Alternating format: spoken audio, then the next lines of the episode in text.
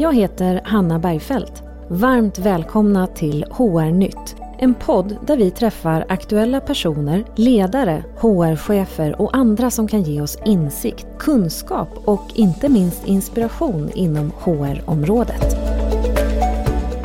Då säger jag varmt välkommen till Frida Boysen, aktuell med boken Våga våga.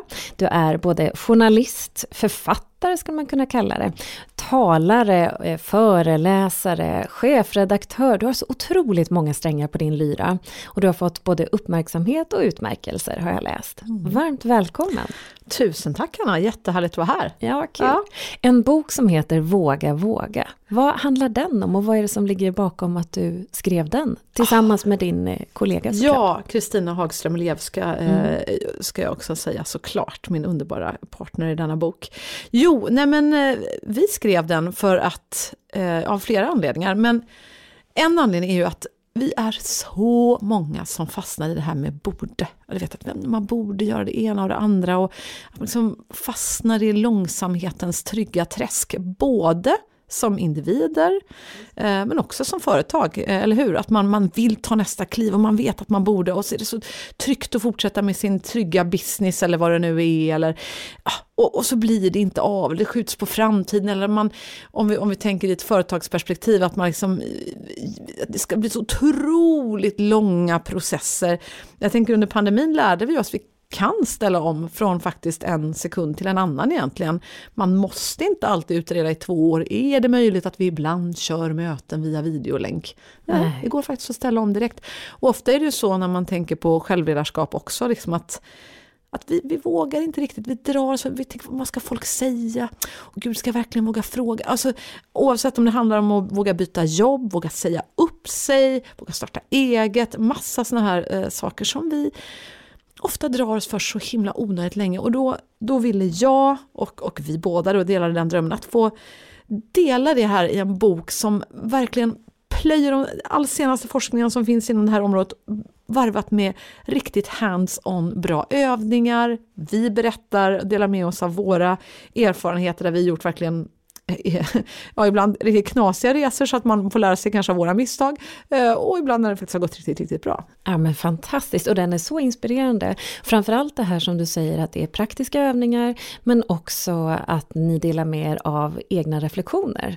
För det är, det är ju det som jag tycker är så fantastiskt när man kan dela misstag och, och lära sig av andra men också få lite igenkänning att jag är inte ensam som sitter med det här. Ja men absolut, jag tror det är, är jätteviktigt och eh, du nämnde det här vi sågs alldeles eh, någon minut innan vi drog igång den här sändningen att eh, jag har skrivit andra böcker tidigare, berättat alla det här och du är inte längre min dotter som handlar om ah, jobbiga grejer jag verkligen gått igenom i, i mitt liv. Eh, psykisk ohälsa i familjen och det har varit allt möjligt skitjobbigt. Och ofta har jag ju fått den frågan, liksom, men, men hur kan du vara så himla glad och ha så mycket energi, du som har varit igenom det här skitjobbiga. Och det var också en annan anledning till att jag ville skriva den här boken. Eh, men jag tror det ligger en otrolig kraft i att våga dela med sig av det som inte också gått jättebra. Ja, För ingen av oss lyckas jämt, långt ifrån. Alla har sin ryggsäck att bära tänker jag. Ja men herregud, och det handlar ju också om att våga ta nya steg och liksom Ibland kan jag ha lite svårt för ordet misslyckas. Jag tror mm. det stoppar oss ofta, att vi är så rädda för det här med att misslyckas. Men bara byt ut ordet, tänk att egentligen är det bara att lära sig, eller hur? Mm. Och att lära, det är ju det absolut finaste vi kan göra, det tycker vi är något positivt. Ja men så är det ju. Så att mer tänka så att, att vi lär oss bara, det är bara ett steg till eh, ja, dit vi vill nå. kan bara vara så vansinnigt svårt att se det när man är mitt uppe i ett, ja. om jag nu får säga ja. misslyckanden, ja. och så kan man ju känna att det här var inte riktigt det lärande jag ville ha just nu. Nej, men, men försöka tänka mm. så ändå att ja, eh, nej det här är skit just nu och nu är det katastrof, men men tänk, om ett tag så kommer jag kunna se tillbaka på det här. Liksom mm. zooma in och zooma ut lite grann och tänka så här, ja, men om fem år, mm. kommer jag tycka att det är lika jobbigt då? Nej. Nej. Men du, du har ju gjort så otroligt många spännande saker i din karriär. Vad är drivkraften som du inledde med att prata om lite grann? Var kommer det ifrån? Vad är det som får dig att forcera framåt och plöja ny mark hela tiden? Men jag vill, ehm, vill förändra tror jag. Jag vill försöka göra världen lite bättre. Och det låter ju sjukt pretentiöst, men det är inte så pretentiöst. Jag vill faktiskt, jag tänker att vi har ju fått den här chansen och det här livet. Och Mm, jag tror att vi alla kan bidra till att göra världen lite bättre, jag är helt 100% övertygad om. Så att göra det på mitt sätt. Och jag jag tror ju väldigt mycket på berättande och det är ju egentligen den röda tråden i, du nämnde att jag har gjort en massa olika saker, alltifrån att ha varit eh, vice vd på, på eh, Bonnier eh, Magazines eller jobbat som chefredaktör för några av Sveriges största titlar eller programledare för Lyxfällarna, Trolljägarna och jag har startat diverse företag, entreprenör, eh, talar, modererar, eh, skriver böcker, författare, whatever. Men någonstans så är det ju ändå krön krönikor. eh, men det är ju berättandet som är den röda tråden för mig och jag tror ju att berättande sätter enorma eh, krafter i rörelse ibland. Ja. Jag, jag, tror du har helt rätt och det är ju fantastiskt att se den röda tråden i allt du har gjort. Mm. Men du beskrev ju också dig själv som en entreprenör. Du har väl fått något pris för det också? Ja, men jo då, jag fick det, det var väl var det, var det två år sedan nu kanske, 2019 tror jag fick eh, Årets kvinnliga entreprenör. Otroligt fint pris förstås, Jätte, jättefin, jättestolt över det. Ja men det förstår jag, det ska ja. det vara. Och just när det gäller kvinnor och entreprenörskap, vad tror du skulle få fler framförallt kvinnor, men mm. generellt kanske, att våga ta steget att eh, komma ut i världen som en entreprenör. Oh. Eller göra det de brinner för? Jättebra fråga eh, och, och, du kan säkert hjälpa mig att ge svaret också. Du har ju också gjort en sån resa. Ja. Eh, nej men jag, jag, tror verkligen att, att släppa eh, släppa alla de här barriärerna som ofta, de osynliga barriärerna som lägger hinder för oss i vägen vi tror att det är så tryggt ofta att vara anställd. Mm. Men är det så tryggt? Det kan också vara en illusion.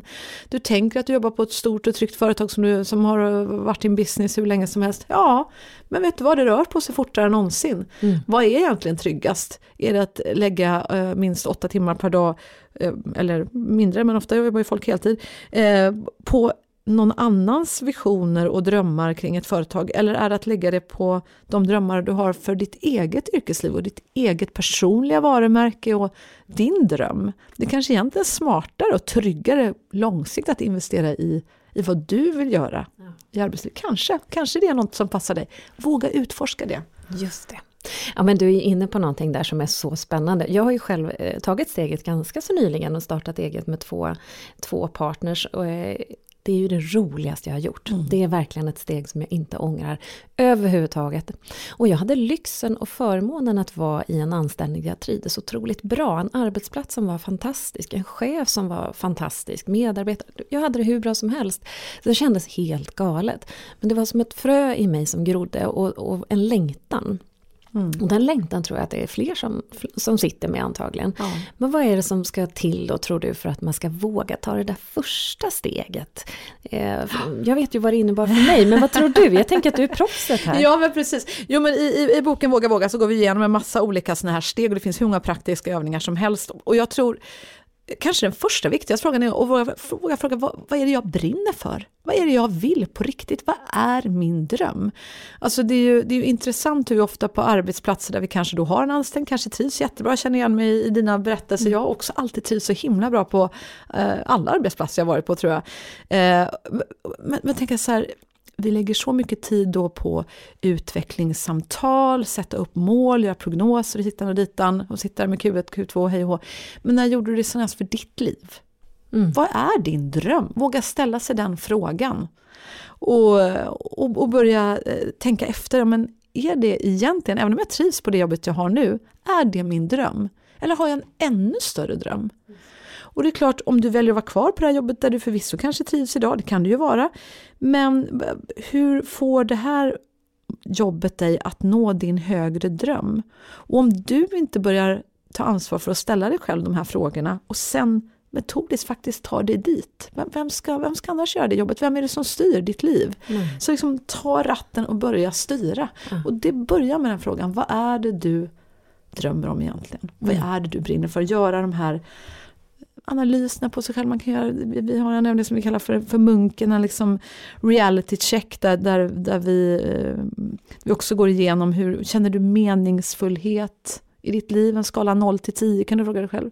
Känner du utveckling? Att du utvecklas, lär nya saker? kanske du inte gör efter ett tag om du har varit kvar några år, även om du trivs bra på samma jobb. Mm. Eh, känner du närhet med andra och dig själv? Och känner du att du har kontroll? Och klart, blir, blir inte svaret 10 på alla där, då ska du inte vara ledsen utan då kan du känna att nu har jag upptäckt någonting.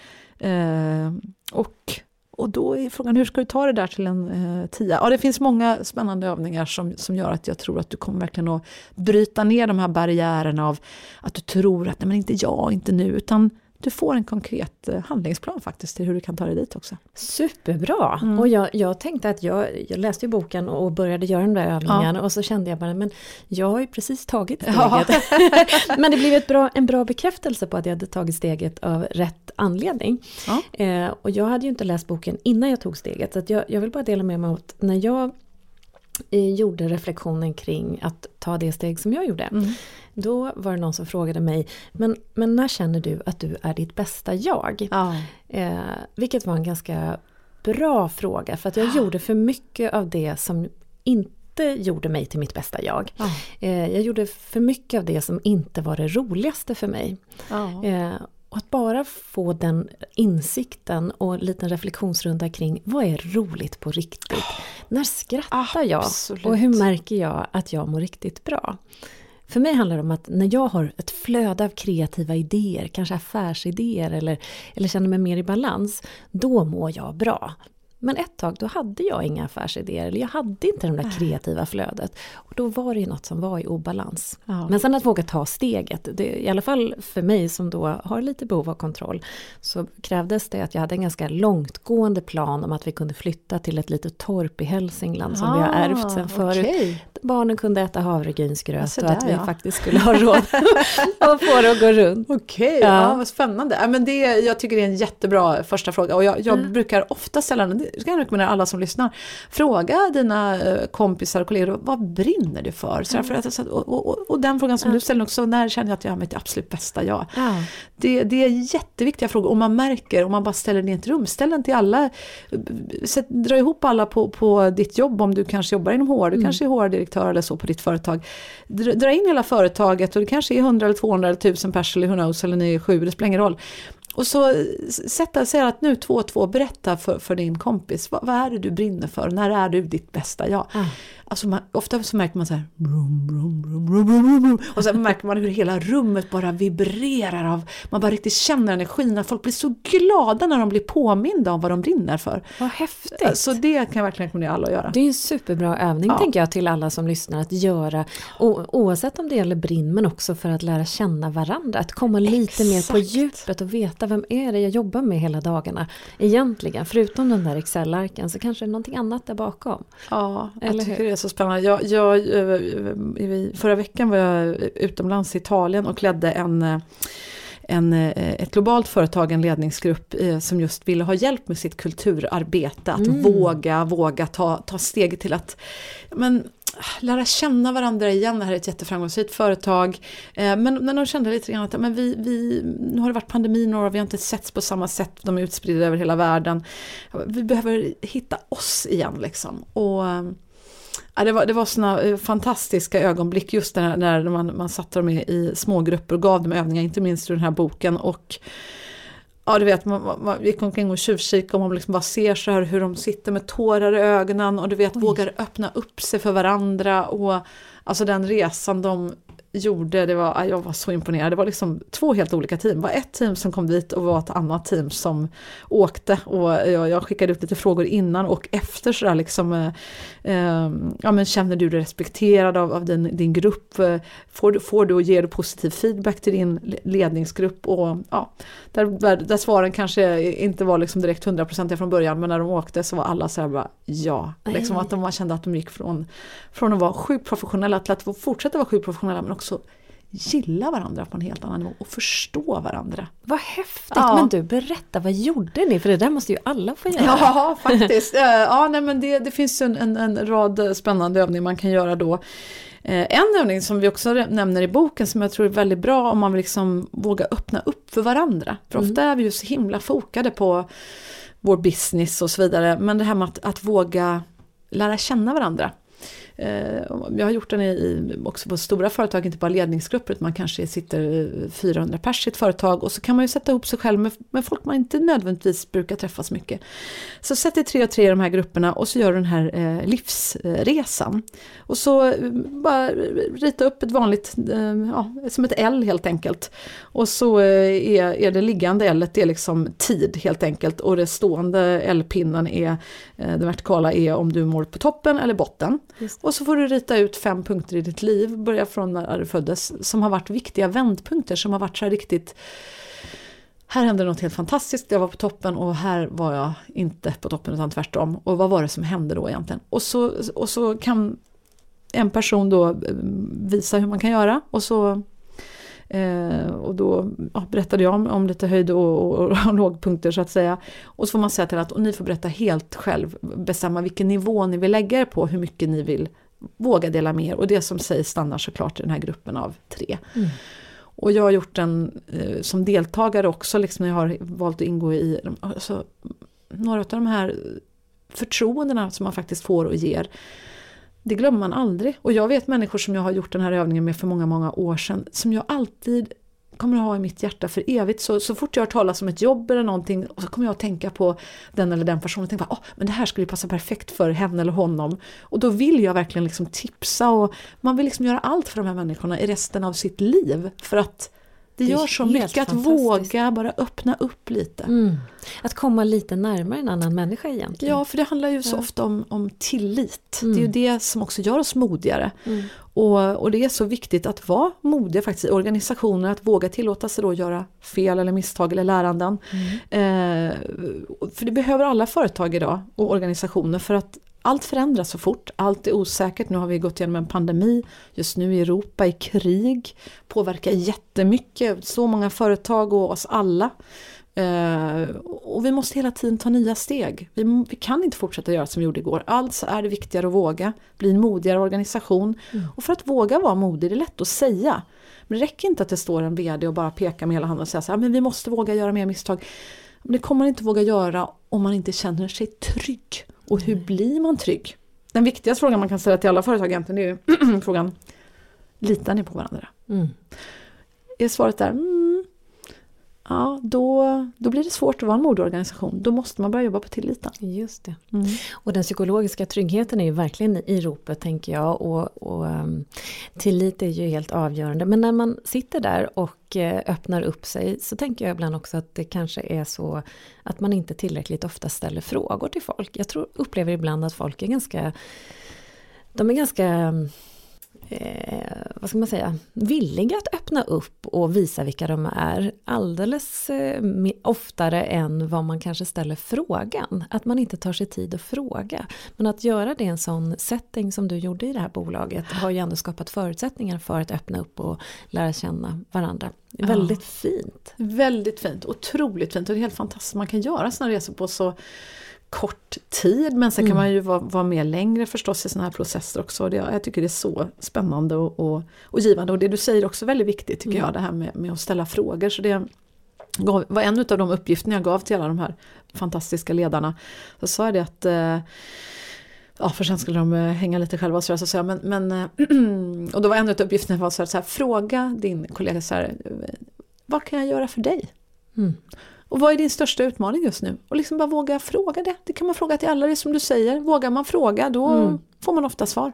Och tänk de gånger man har varit i en pressad situation. Om någon skulle säga vad kan jag göra för dig? Så kanske det inte är så mycket men bara att få den frågan skulle ju kännas underbart. Att någon bryr sig egentligen. Mm. Det är det. Och, och, och, ibland kanske också våga fråga om hjälp. Mm. Det är ju, ofta är det de frågorna som startar nya vänskaper. Mm. Att man vågar visa sig lite sårbar och säga så här, alltså Hanna, oh, jag sitter här nu och ska hjälpa det här bolaget med vad det nu är och jag vet ju att du är så grym på de här frågorna också. Ja. Får jag bara bolla en grej med dig? Ja. Då visar ju dig ett förtroende. Mm. Du blir glad att jag frågar dig och mm. kanske känner du nästa gång när du har en utmaning och tänker fast jag kanske ska ringa Frida och fråga. Ja. Jag hjälpte faktiskt henne en gång, hon kanske kan hjälpa mig. Gud Frida, så... jag kommer ringa dig så mycket Och så blir vi glada och kan hjälpa varandra och, mm. och, och det kanske blir en början till en fin vänskap. Så mm att, att just be om hjälp tror jag också är något vi absolut inte ska vara rädda för, för alla behöver hjälp. Det är helt sant. Jag tänker ofta de här höga fasaderna som folk håller mm. och, och, det kan man göra själv också när man, när man är lite osäker så måste man hålla en fasad och försöka vara någon man inte riktigt är. Det är ganska smärtsamt att gå omkring i den där rustningen, tänker jag. Verkligen. Det måste vara många där på toppen som, som går omkring och känner sig lite ifrågasatta. Ja. Och kanske ibland några som inte gör det men borde göra det. Jag, jag, jag, jag har jobbat mycket, jag har jobbat bland som digital chef också mm. sådär, eh, för Bonnier och varit mycket i techvärlden och eh, en gång eh, så testade jag faktiskt det höll någon stor föreläsning på Berns för ett gäng hundratals avancerade techchefer. Och, och slängde in en förkortning, jag kommer inte ihåg vad jag kallar den, men du vet, it's like you know the EDI of bla bla bla liksom. Och, tänkte så här, nu kommer ju någon räcka upp handen och fråga, ursäkta vad är EDI? Ingen räckte upp handen. Och jag bara hittade på det. Och ingen reagerade. Bara för att se om någon vågar ifrågasätta en ny förkortning på tre bokstäver. För det är ju alltid nya förkortningar. Ja. Det är ju jätteroligt. Ja.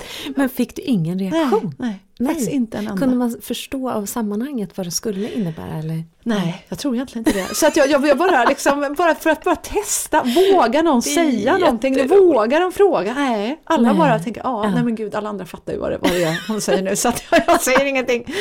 Uh, så att, så att det, sen har jag inte gjort det än, för det är inte så att jag vill utsätta folk för, för uh, sådana experiment. Men jag, jag, tänkte bara att jag någon gång måste testa det här. Och gjorde det, och det, nej, ingen reagerade faktiskt. Ingen reagerade. Så jag tror att Eh, det är ingenting som är pinsamt med att säga ursäkta, nu, förlåt, men betyder den här förkortningen, det betyder alltså det här. Man kan ju ofta gissa sig ja, till ja. Liksom. Ja, och vad fråga. hade du sagt om de hade ställt frågan? Nej men då har jag sagt tack för frågan, tack. Du, jag vill verkligen ge dig en applåd. Vad heter du? Ja. ja du är ju den klokaste personen här inne. Ja. Uh, vi borde alla lära av dig. Tack. Uh, namnet vad den här nu heter. För grejen är så att jag ville faktiskt testa er. Och så skulle jag uh, sagt att det här tror jag kan vara ett problem ofta inom techvärlden. Mm. Att vi slänger oss hitan och ditan med förkortningar och det är ju ett slags maktspråk. Ja, att använda en retorik där kanske någon i gruppen inte är från techvärlden, men som är, det kan vara ny, någon som kommer in från kanten eller någon som har en helt annan kompetens. Varför använder vi det här uttrycket om vi misstänker att någon i lokalen kanske inte riktigt förstår, eller någon i mötet inte förstår? Det är bara dumt. Mm. Det är bara ett sätt för dig att verka cool. Eh, vad, vad, vad, vad, är din, vad är din mening med, med det? Är, är det att göra dig själv cool, att göra någon annan osäker? Tror du det är det smartaste för gruppen? Eller är det smartast faktiskt inkludera alla, så att alla känner sig trygga? Precis, nu är vi tillbaka på psykologisk trygghet, ja. det är jätteintressant. Mm, mm. Hur skapar man det då tror du, psykologisk trygghet? Ja men inkludering, ja, eh, som sagt mm. inkludering, tillit eh, och som sagt känner man att tilliten inte finns där, som sagt ställ dig själv mm. den frågan, mm. litar ni på varandra i ert team, mm. i er grupp, i er familj, i, på ert jobb, på ert företag eller organisation? Och gör ni inte riktigt det, för det, det är inte helt ovanligt att man känner så här Jo, de flesta litar jag på, men inte riktigt där. Av någon anledning så har förtroendet blivit rubbat. Mm. Är det kört då? Nej, det är det inte. Vad gör man då? Vad gör man? Nej men då, då, ja förstås kan man köpa Våga Våga-boken så får ni massa bra exempel på vad man gör. Nej men sen så finns det ju, eh, man kommunicerar. Jag tror kommunikation löser faktiskt absolut mesta.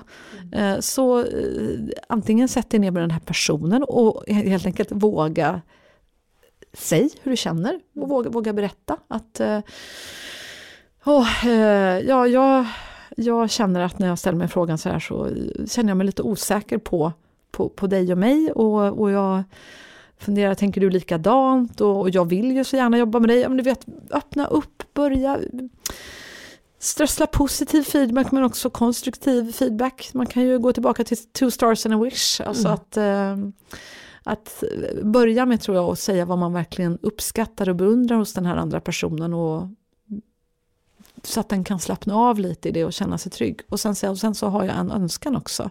Och det är att när jag ja, eh, ber dig om att eh, ja, vad det nu än är och så funkar det inte så, så, så skulle jag önska fortsättningsvis att du gör som jag säger. Och använd gärna det här giraffspråket, pratar vi också om i, i boken, det tycker jag är väldigt bra, istället för vargspråket. Det är också grunden till freds och konfliktlösning, har varit egentligen väldigt länge. Det här att ofta man, när man är förbaskad på någon, och kanske som man kan bli om man känner att ett förtroende har blivit rubbat. Säg att jag har sagt någonting till dig i förtroende och sen så kommer det en kompis till dig och säger jag hörde att, eh, mm. att du gjorde bort dig. Och jag bara, oj vad spännande eftersom det var bara Hanna jag har berättat det för. Mm. och jag sa att det bara skulle vara mellan henne och mig, då, då, klart, blir jag ju besviken. Men Nej, men att, att säga till en person istället för vargen som slänger sig kring stupen och överdriver. Vi kan ta exemplet om, om eh, vi kallar till möte och du är sen till mötet, vi har sagt att det ska börja nio, du kommer insläntrande kvart över, lite nonchalant, äh, gäspar eh, och, och säger jaha, oj oj oj, ja, sorry. Istället då för att bara säga, ja Hanna, allvarligt talat, du är, du är alltid sen. Och jag, jag blir faktiskt förbaskad, alltså allvarligt talat, vad fasen är det med dig liksom? Jag gör alltid så här, det är så himla trist. Och, och, risken när man då säger alltid, det är ju att du känner, nej, alltid kommer jag inte för sent, jag kom faktiskt i tid för tio månader sedan en gång liksom. Och då blir vi direkt på osams liksom. Och istället säga så här, ja Hanna, nu ser jag att du är 10, 15, 15 minuter sen. Det kan vi båda vara överens om, det är inga värderingar i det. Och, det bara, ja, mm. och då eh, blir jag ledsen. Det kan vi inte heller argumentera med, för att det är min känsla. För att jag hade förberett mig ganska mycket för det här mötet. Och jag vet att vi alla här har ont om tid och alla sitter här och kostar pengar och så vidare. Eh, och jag hade verkligen hoppats få börja med det här viktiga klockan 10, så att vi skulle hinna igenom det ordentligt. Men nu eftersom klockan är kvart över, eh, så är jag rädd att vi inte kommer göra det. Och eh, Ja, och det, det är det som gör mig så ledsen, liksom, för jag hade verkligen hoppats på det. Men så därför skulle jag önska att du i fortsättningen kommer i tid, om vi har kommit överens om klockan tio.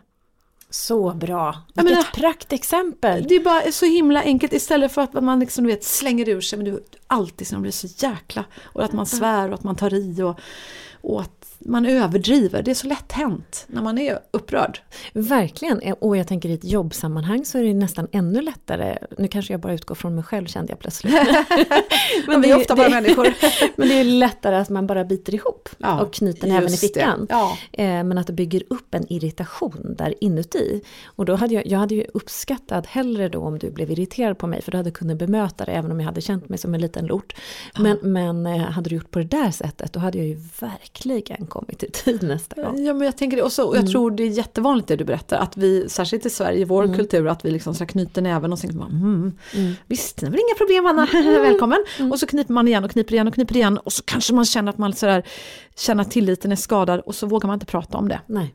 Och sen kanske till slut känner man, nej men nu jäklar ska jag, och så kanske man pyser ut åt olika håll, kommer mer som liksom bullshit eh, och, och, och skvaller och dåligt, bygger inget förtroende för vår grupp om jag börjar sladdra om att den här Hanna kan man inte lita på, det är typiskt, hon kommer aldrig i tid. Nej. Och så kanske det sipprar fram till det, alltså det här är ju så vanligt i så många organisationer. Eh, och så säger kanske någon vän då när jag gnäller för femte gången eh, om den där Hanna som inte kommer i tid, att men säg det till henne då. Och så tänker jag, jag ska faktiskt göra det, nu ska jag göra det. och då är ju risken då att det, den här dämda floden av, av besvikelser och ledsamhet egentligen i grunden kommer ut som kanske ilska, överdrifter, och då känner du dig orättvist behandlad. Du tycker jag har inte fått någon chans att rätta till det. Jag hade ingen aning om att du kände så. Jag tror herregud, vad akademisk kvart spelar roll liksom. Jag, jag fattar ingenting, du sa ju alltid att det var lugnt. Mm. Så ja. ja. men så bra och det går ju att applicera på sitt äktenskap sitter jag och tänker. Jaha, ja, absolut. det är väldigt, väldigt ja. bra. Och jag, för, förra avsnittet av den här podden då träffade vi Anders Rydell, en eh, ja. organisationspsykolog. Ja. Och det roliga är att du, du pratar om samma saker lite grann fast han hade andra benämningar. Ja. Man pratar om negativt historieberättande, det här som du beskriver, skvaller, man går och pyser mm. och det som, som kan hållas igång för att ingen sätter stopp för det eller det kanske till och med bildar en form av gemenskap ibland. När det är riktigt illa. Verkligen. Så. Inte särskilt positivt. Så att eh, uppmaning att våga, våga igen. Men att ta tag i och berätta hur man tycker och tänker och känner. Så att det inte blir de där grogrunderna mm. för mm. stora konflikter eller ja. lavaströmmar som kommer. Absolut, jag är också eh, bland annat ambassadör för Friends och en kampanj som faktiskt sätter igång just i dagarna är att, äh, heter Agera alltid. Och jag tänker just apropå det här med när det pyser ut sån här negativ äh, ja, vad ska man säga, negativ kommunikation egentligen kring mm. sina kollegor som man kanske inte vågar då kommunicera med direkt, som vi gjorde i det här exemplet. Um, och så pyser det ut, um, för att man är så himla ledsen och besviken och vågar inte ta upp det. Och så får man att, att då alltid agera, för vad det är är ju också att det riskerar också bli faktiskt en form av mobbning av den här personen som får den här negativa feedbacken då som sprids ut när någon vågar ta upp det med den här personen. Agera alltid då, hjälp din kollega om du hör sånt här mm. och säg så här, men, men hörru Frida, eh, jag förstår att du blir besviken om hon kommer för sent så ofta till era viktiga möten och, och inte ändrar sig och så här, men, men har du sagt det till henne? Precis. Säg alltid så istället för att hamna i det här, ja nej det är bedrövligt, ja, jag förstår inte man kan göra så. Att man liksom bara hakar på ja. för att man vill vara schysst och empatisk. Det är inte så empatiskt mot någon egentligen. Nej. Utan våga vara en schysst kompis genom att ifrågasätta också på ett empatiskt sätt. Jag förstår att du är ledsen och besviken, men har du tagit upp det här med henne? Nej, jag har kanske inte riktigt, det går inte riktigt för då kommer hon bara bli så sur. Det vet du ju inte. Jag tycker att du ska göra det. Mm. För det, det, blir, det blir inte så bra heller. Hon får ju ingen chans, hon kanske inte vet om hur du känner.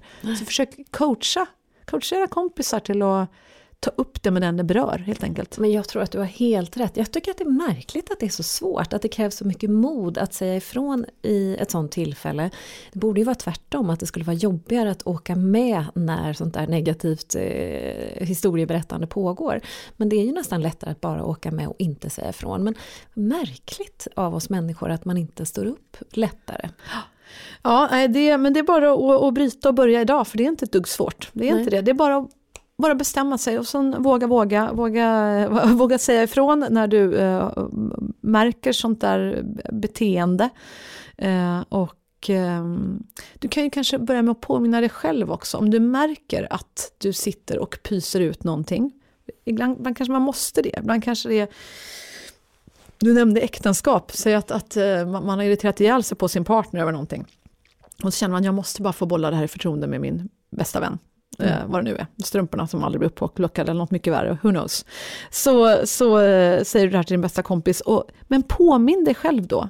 Och har du inte berättat det här för den det berör så säg så här att det här har jag nog faktiskt inte ens sagt till honom eller henne, men det ska jag göra. Det ska jag göra nu, den här, uh, idag, imorgon, den här veckan. Sätt en deadline på dig själv, att nu ska jag faktiskt göra det. Nu. För nu har jag berättat för någon annan, så uppenbarligen är det här någonting som tär på mig och vår relation, oavsett om det är på jobbet eller hemma. Ja men det är ju helt sant. Jag tycker att vi får många bra, många bra tips på vägen här nu Frida. Jag tycker ja, det är fantastiskt. och in, inledningsvis så pratade ju du lite grann om det här med pandemi, ställa om snabbt. Mm. Eh, du pratade om ett företag där du hade varit och gjort kulturarbete. Mm. Vad, vad, är liksom det som du skulle önska av arbetsgivare runt om i landet idag? Vad är det man behöver fokusera mer för att skapa arbetsplatser där eh, folk upplever psykologisk trygghet eller där man kanske får vara sitt bästa jag i högre utsträckning. Vad tror du att man kan skicka med dem? Ja, men jag tror, eh, börja med den här frågan. Börja med frågan, litar vi på varandra? Och eh, fråga alla medarbetare det. Jag, jag, jag tänker att vi, det, det, är bra att ha fakta på fötterna lite grann. Och vi, vi är så bra på att mäta nyckeltal, ditten och dutten och, och vi säger så ofta åh kunden är viktig, åh våra medarbetare är viktiga. Eh, och ja, det, det, är viktigt att vi ska göra skillnad, det är klart vi ska gå in i något CSR-projekt eller CSR-projekt eller hjälpa världen på något vis. Men är det det på riktigt då? Eller sen när ni går in i ledningsrummet, är, är, är det, vad är det för siffror ni tittar på på väggen? Är det lönsamheten kanske först? Är det kanske det möjligtvis ni tittar Eventuellt. på? Ofta är det det. Ja. Och jag tänker, det man mäter det är ju det som blir av. Och, och om, om ni inte mäter hur ni faktiskt mår på arbetsplatsen, hur medarbetarna, hur, hur trygga känner de sig, hur lyckliga känner de sig. Alltså om du bara mäter det en gång per år, mm. fattar inte jag, hur, hur har du råd med det? Tänk, det, det, kan ju vara människor som går omkring och känner sig mobbare, känner sig ledsna, känner sig osedda, inte har fått någon positiv feedback på en månad, ingenting. Mm. Fastän det finns hur många undersökningar som helst som visar att uppskattning är det som är det absolut viktigaste för oss på arbetsplatser. Det är, det är vad mm. faktiskt de flesta säger. Så våga fråga din egen organisation. Eh, trivs vi på jobbet? Trivs du? Känner du att du får positiv feedback? För det är viktigt. Det är mm. viktigt med konstruktiv feedback också. Men känner du att du får positiv feedback? Känner du att din röst blir hörd? Vågar du säga eh, Känner du att du vågar säga vad du tycker på, på möten? Mm. Och jag tror att du kommer få väldigt intressanta svar om du vågar fråga. Och sen våga be om hjälp. För jag tänker oavsett hur eh, stark man är så, så är man eh, i, sitt eget team så det kan vara av hjälp att ta in, ta in eh, stjärnor där ute, ta in en, en eh, ja, men någon som kan jobba med ett kulturarbete. Eh, det kan vara skönt att få hjälp externt också ibland. Mm. Så det, och det är så mycket värt. Alltså, om du sitter med kanske en, en, eh, vad vet jag, en styrelse eller en vd eller någon som bara säger ja, men pengarna, pengarna, pengarna. Man bara säger ja men det här kommer att ge bättre business. För det, är ju där det börjar. Alltid ja, ja, herregud. Uteslutande. En sån grym investering. Men det är ju verkligen det. Och jag, jag funderar en del på det här med eh, ökade sjukskrivningstal. Ja. Det är ju fler och fler som blir sjukskrivna på grund av eh, psykisk ohälsa. Mm. Jag tror att det har med saken att göra det här med att inte bli uppskattad på jobbet eller kanske inte bli sedd. Jag brukar ofta referera till att man vill känna att man har betydelse, att man faktiskt är något mer än sitt anställningsnummer. Absolut. Eller vad, vad kan det bero på? Att folk mår dåligt ja, i så hög utsträckning? Det är en, det är en jätteviktig fråga eh, som du ställer. Eh, och det är ju mer än 50% av sjukskrivningar i Sverige idag som är längre än två veckor som handlar om psykisk ohälsa. Och mer än 44% av eh, sjukskrivningar överlag på svenska arbetsplatser som är psykisk ohälsa. Mm. Så mycket.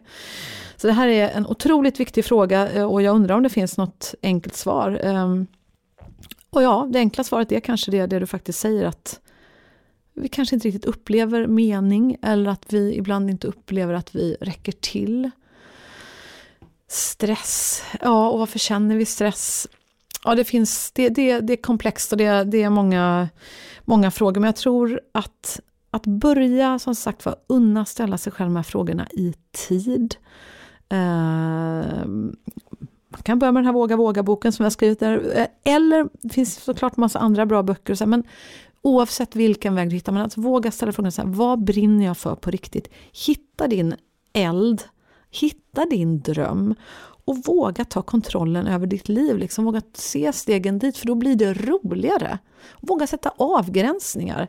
Vi har, vi har en eh, modell som vi kallar för staka-modellen, där man stakar sin väg till målet. Då. Och det är bland annat att, att, att sätta målet och, och tydliggöra delmål och analysera förutsättningar och kontrollera konsekvenser. Men det viktigaste steget tror jag nästan är det sista och det är det här med att aktivera i agendan. Uh, för ofta är vi bra på att säga så här att, um, om vi tänker på stress, att uh, Ja men gud, ja, men jag, jag vet jag måste få till träning också, men gud, ah, jag hinner inte och, och nej, nu var jag tvungen att ställa in min träningstid igen. Och, och, och, men om det är viktigt för dig på riktigt, och det kanske det är för att du ska orka mm. med Eh, Eh, ditt eh, jobb på jobbet, kanske jobb hemma med familj eller vad du nu har i ditt privatliv, kanske med barn eller tonåringar eller allt vad det nu kan vara.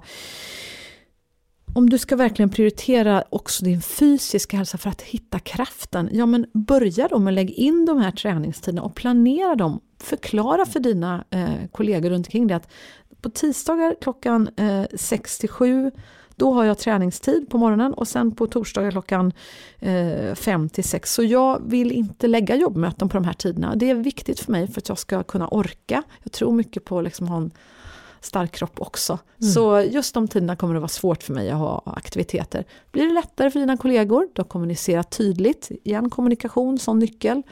Då lägger man inte after worken på torsdagen då, för då vet man, ja men just det, då har ju Frida sin träning som hon tycker är så viktig. Eller, äh, men då kanske vi inte ska lägga den just på tisdag. Och du kanske får med dig andra också på resan. Så, så himla bra tips. Och jag tänker lite tillbaka på det här som du eh, sa. Att vara chef över sig själv. Mm. Att ibland eh, så kan man ju nästan tänka att jag är VD för Hanna Bergfeldt AB. Absolut. Vad skulle VDn ha fattat för beslut? Ja men det är exakt så en Exakt ganska bra liknelse när man försöker ställa sig lite utanför att bara känna efter hela tiden. Som man också ja. kan drabbas av just när det kommer till träning. Ehm, men också att se på att vara lite ärlig mot sig själv. Vad är det som, som låter bra men vad är det jag egentligen vill och hur fungerar jag? Till exempel med träning tänker jag var så bra exempel. att nej men, nu är jag 45 år, jag har insett att min träning blir av om jag tränar med andra. Ja. Eh, och då kan jag, jag har plöjt ner så mycket pengar på satskort ja. eller andra ställen ja. också för den delen. Men nu, nu blir ju träningen av för nu har jag bokat det med mm. andra personer mm. som ger mig så mycket energi. på, på samma sätt att man liksom identifierar vad får jag energi av och vad tar energi av mig? Eller när hämtar jag hem lite återhämtning helt enkelt? Ja men den kanske jag måste göra själv. Och att då våga se det och våga planera för det är ju avgörande för att det ska bli bra för Hanna Bergfeldt AB i alla fall. Ja men verkligen. Och vi, vi har en, en, mängd sådana exempel i boken också, just där, man, där vi liknar ditt eget ledarskap med ett företags ledarskap. För det är vi har så mycket respekt tror jag, ofta i Sverige för att vara en, en duktig person och leva upp till alla... Mm. Alltså det är så naturligt för oss att sätta som sagt var planer och, och, och, och så mot företaget. Men inte mot som sagt Frida Boisen AB eller vårt eget lilla eh, företag. Det, det struntar vi och det är ändå våra liv för guds skull. Mm. Hur kan det inte vara lika viktigt eller ännu viktigare såklart? Man får ju antagligen bara ett så det är nog Ja viktigt. exakt, jag tänker det är det enda vi vet om så ta vara på det. My God. Vad härligt. Du Frida, vad, vad härligt det är att prata med dig. Man skulle kunna prata hur länge som helst känns det som. ja, eh, men om det sitter någon nu här ute och tänker okej, okay, eh, men första steget då, vad börjar jag med? Förutom att köpa boken, men vad är liksom första steget? Det låter så lätt att göra förändring men, men eh, jag vet inte, jag vet inte vad jag brinner för. Mm. Vad gör man då? Men du kommer att veta det om du ställer dig frågan som sagt. Eh, du kan skriva ner, det finns ju hur många olika vägar som helst. Du kan eh, eh, ja, men, skriv, en, skriv en, en, en lista då på, på bara, bara bubbla ur, bubbla ur dig 50 idéer på vad du skulle vilja göra. Ibland så märker jag att ordet idé är ungefär så långt vi vågar gå Istället för att säga dröm, för det låter så stort och pretentiöst och det är nästan, nej det, det vill man inte ta i mm. Men 50 idéer då kanske låter bättre för dig. Skriv ner 50 idéer på vad du skulle vilja göra. Och sen har jag gjort den här listan på 50 idéer. Då, eh, och det kan vara stort och litet, det kan vara allt ifrån att skaffa ett hus i ett annat land till eh, något drömjobb eller gå någon utbildning eller lära sig spela gitarr eller vad som helst. Eh, och sen när du har, har gjort de där 50, då kan det ju vara så att ställa frågan, okej okay, men vilka är de fem viktigaste av de här då. Och försök, försök koka ner det till fem viktigaste. Och sen så, sen är frågan vad ska man göra med alla de andra då? Ja. ska man göra dem sen då? Ja, ett tips är ju faktiskt att inte göra dem alls, försöka undvika dem. Om du verkligen på riktigt vill nå de här fem. För förmodligen är det så att de andra 45, de är också jäkligt spännande och roliga. Men de kommer förmodligen att ta kraft och fokus från att du kommer genomföra på riktigt någon av de där som du verkligen, verkligen, verkligen skulle vilja göra. Mm. Så det kan vara ett tips. Det är ett jättebra tips. Att fokusera sin energi på några få men väl utvalda mål eller drömmar, idéer. Ja, ja men faktiskt. Och sen mm. såklart att man ska få kul också eh, hela tiden. Absolut, det vill jag inte ta ifrån folk. Men jag tycker det är en ganska spännande tanke om du gör det nämligen. Gör den och försök inse kanske liksom att ja, just det, det är kanske därför det aldrig blir av. För att jag, vi är väldigt olika som människor, eh, men, men vissa kan ju vara sådana att, att ursäkten för att det inte blir av det där steget som man vill ta, är att det där andra, alla de andra grejerna tar så mycket fokus och tid. Kan mm. vara så för dig, så det kan vara en intressant sak. Verkligen, verkligen. Du, vi ska avrunda, mm. men, men sista frågan, och den är ju ganska stor den sista frågan som jag tänkte mm. ställa till dig. Det är ju, du var ju inne på det här att misstag inte är misstag utan det är ett lärande. Vill du dela med dig av ett misstag som du har gjort och, och vad du lärde dig av det? Ja, ska våga ja vara lite det är bara att välja och vraka jag på att säga. Ja, nej, men det finns hur många misstag som helst som jag har gjort i mitt liv. Vad, vad, vad ska vi ta något eh, eh, aktuellt? Ja, nej men, ja, nej, men alltså det, ja, det, det är väl ganska hemskt egentligen, men, men det, det, det absolut största misstaget jag har gjort i mitt liv tycker jag, det var eh, när jag en gång sa då, när min mamma och jag hade fått en, en ganska ansträngd relation efter att ha haft en helt fantastisk relation egentligen i hela våra gemensamma liv från jag var liten till att hon, när jag precis hade blivit mamma själv, började bli liksom väldigt, eh, upplevde jag, elak på telefon mot mig och liksom sa massa ja, taskiga saker till mig om hon tyckte jag var så värdelös mamma och bla bla bla. Och jag, det slutade alltid med att jag grät eh, och sa du kan inte säga så här, men jag blir så himla ledsen, jag tycker inte det är sant. Eh, och, och så sa hon, ja men om det är så hemskt då, då kanske jag tar livet av mig då. Och då så sa jag till henne, men gud vad säger du, menar du allvar? Hon bara, ja, det vet man väl aldrig. Jag bara, men gud då får jag åka ner till Göteborg direkt, jag bodde i Stockholm och hon eh, säger liksom att nej, nej, det blir absolut inte. Jag bara, jo men då, då får jag ringa 112 nu om du liksom menar du allvar. Och hon bara, ja, nej, nej, det kan bli ingen idé. jag, men jag sätter mig på tåget så åker vi till någon psykolog eller något hon bara, nej men, nej, så roligt kommer du aldrig få det. Eh, tänker jag inte följa med på. Jag bara, nej men då får du aldrig mer säga så, säger jag. Mm. Och det ångrar jag så fruktansvärt. Men åh. Att, ja, det, det känns som mitt livs största misstag att jag sa så. Jag förstår. Och jag ser att du blir berörd. Jag blir också berörd. Och det är ju ett misstag som, som kanske inte är ett misstag. Det, jag tänker att du är så oerhört stark som både pratar om det men också kan, har kunnat hantera en mamma som jag utgår från kanske har drabbats av psykisk ohälsa. Ja, ja, uppenbarligen var hon ju liksom mycket sjukare än vad jag någonsin förstod. För sen sa hon ju då aldrig någonting mer om det här, tyvärr. Nej. Men jag tänker att det var liksom den enda gången som hon vågade visa en liten skärva av vad som kanske egentligen försiggick inne i henne som jag inte förstod. Jag förstod inte att hon hade sådana tankar. För sen sa hon aldrig mer det, men eh, ungefär ett halvår senare så, så tog hon ju sitt liv. Och, mm och skrev dessutom i sitt avskedsbrev att, ja, att nu fick du som du ville, skrev hon till mig. Och, eh, vilket ju var en fruktansvärd chock. Men då så det, det tog ju som sagt var, eh, eh, ja, det, det, det, det är ju någonting man får leva med. Men, och det, mm, och jag, jag inser att nu har jag ju fått eh, prata med många experter och jag har fått, fått liksom hjälp i att, att försöka förstå det här. Eh, men vi pratar om psykisk ohälsa mm. och det, det, är liksom väldigt, väldigt aktuellt. Och vad, det enda jag försöker tänka nu är att vad jag kan göra av det här, vad kan jag lära mig av det här? Det är ju som du säger, det är mm. ibland är det fruktansvärt svårt att orka tänka den tanken. Och det enda jag kan lära mig det är ju att försöka tänka att nästa gång som en person mår fruktansvärt dåligt i min närhet och säger så, så tänker jag aldrig säga att du får aldrig mer säga så här. Det tänker jag inte säga, utan istället våga fråga. Våga fråga, jaha, eh, nu hör jag att du säger så här liksom. Vad tänker du då? Har du, hur har du funderat då? Har du funderat på hur? Jag har pratat med experter mm. liksom, som mm. är överläkare i psykiatri och sådär som verkligen vet vad de pratar om. Och de har sagt att det är inte farligt att ställa sådana frågor. Det är inte det som kommer ta livet av någon. Utan då vågar man prata om det. Och sen vågar du lyssna. Och om den här personen säger ja, nej, men jag har lite sömntabletter hemma och jag har samlat ihop en hel del nu. Så att jag tänker att det kan vara en väg ut för mig kanske. Och då säger man så här. Och då får man våga agera. Då får man våga säga så här, ja men vet du vad. Då, då känner jag att jag faktiskt gärna vill följa med dig hem. Och ta hand om de tabletterna. För att vet du vad, jag tycker så himla mycket om dig som kollega eller vän eller mm. släkting vad det nu är. Och förklara från djupet av ditt hjärta hur mycket du skulle sakna den här människan om den inte fanns. För det är ofta det som, man, som hjärnan har gått bort sig i. Den mm. är, tänker inte vettiga tankar längre. Den tror att det skulle vara det bästa för alla andra om du inte längre fanns. Nej.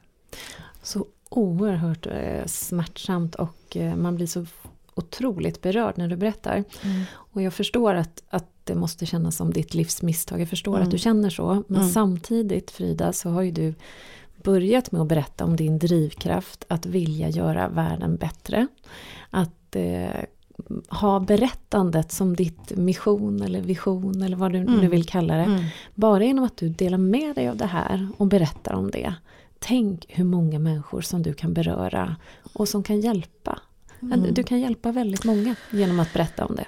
Ja, igen, som sagt, jag, jag, jag slås av och då har jag ändå jobbat med berättande hela mitt liv. Men, men, eh, men jag har insett också precis det du säger att, att eh, det är ju otroligt viktigt. Och, och är det någon som är, är, det här nu eller har en anhörig som kämpar med de här frågorna så som sagt våga, våga fråga, våga lyssna, våga agera. och um, Eh, jag har ju skrivit den här boken Berätta aldrig det här och jag, så att jag får ju mest dagligen från människor som berättar just det du säger nu. Alltså hur, bara att genom att få höra någon annan som verkligen och sätta sig in i hur en annan människa har gått igenom den här resan ibland faktiskt till och med kan rädda liv. Mm. Att, att eh, ja, redan första dagen så var det någon som läste ut boken och messade till mig att alltså, jag har också haft mörka tankar och jag har inte förstått vad jag gjort mot mig själv och min familj. Jag har till och med försökt ta livet av mig flera gånger men aldrig mer. Nu har jag fattat. Och nu ska jag kämpa för varje minut. Så fint. Åh, fantastiskt. Jag tycker att, att det är det som du ska ta med dig och vilken fin berättelse om lärandet i den absolut högsta graden. Ja. Tusen, tusen tack Frida för att du kom ja. hit och för att du delade med dig ja. allt eh, klokskap som finns i boken Våga våga men också utifrån personliga reflektioner och lärdomar ja. som du har gjort. Och tack snälla för att du gör den här podden och sprider ännu mer eh, kunskap, det behöver vi. Ja, tack så mycket. och tack du som lyssnar.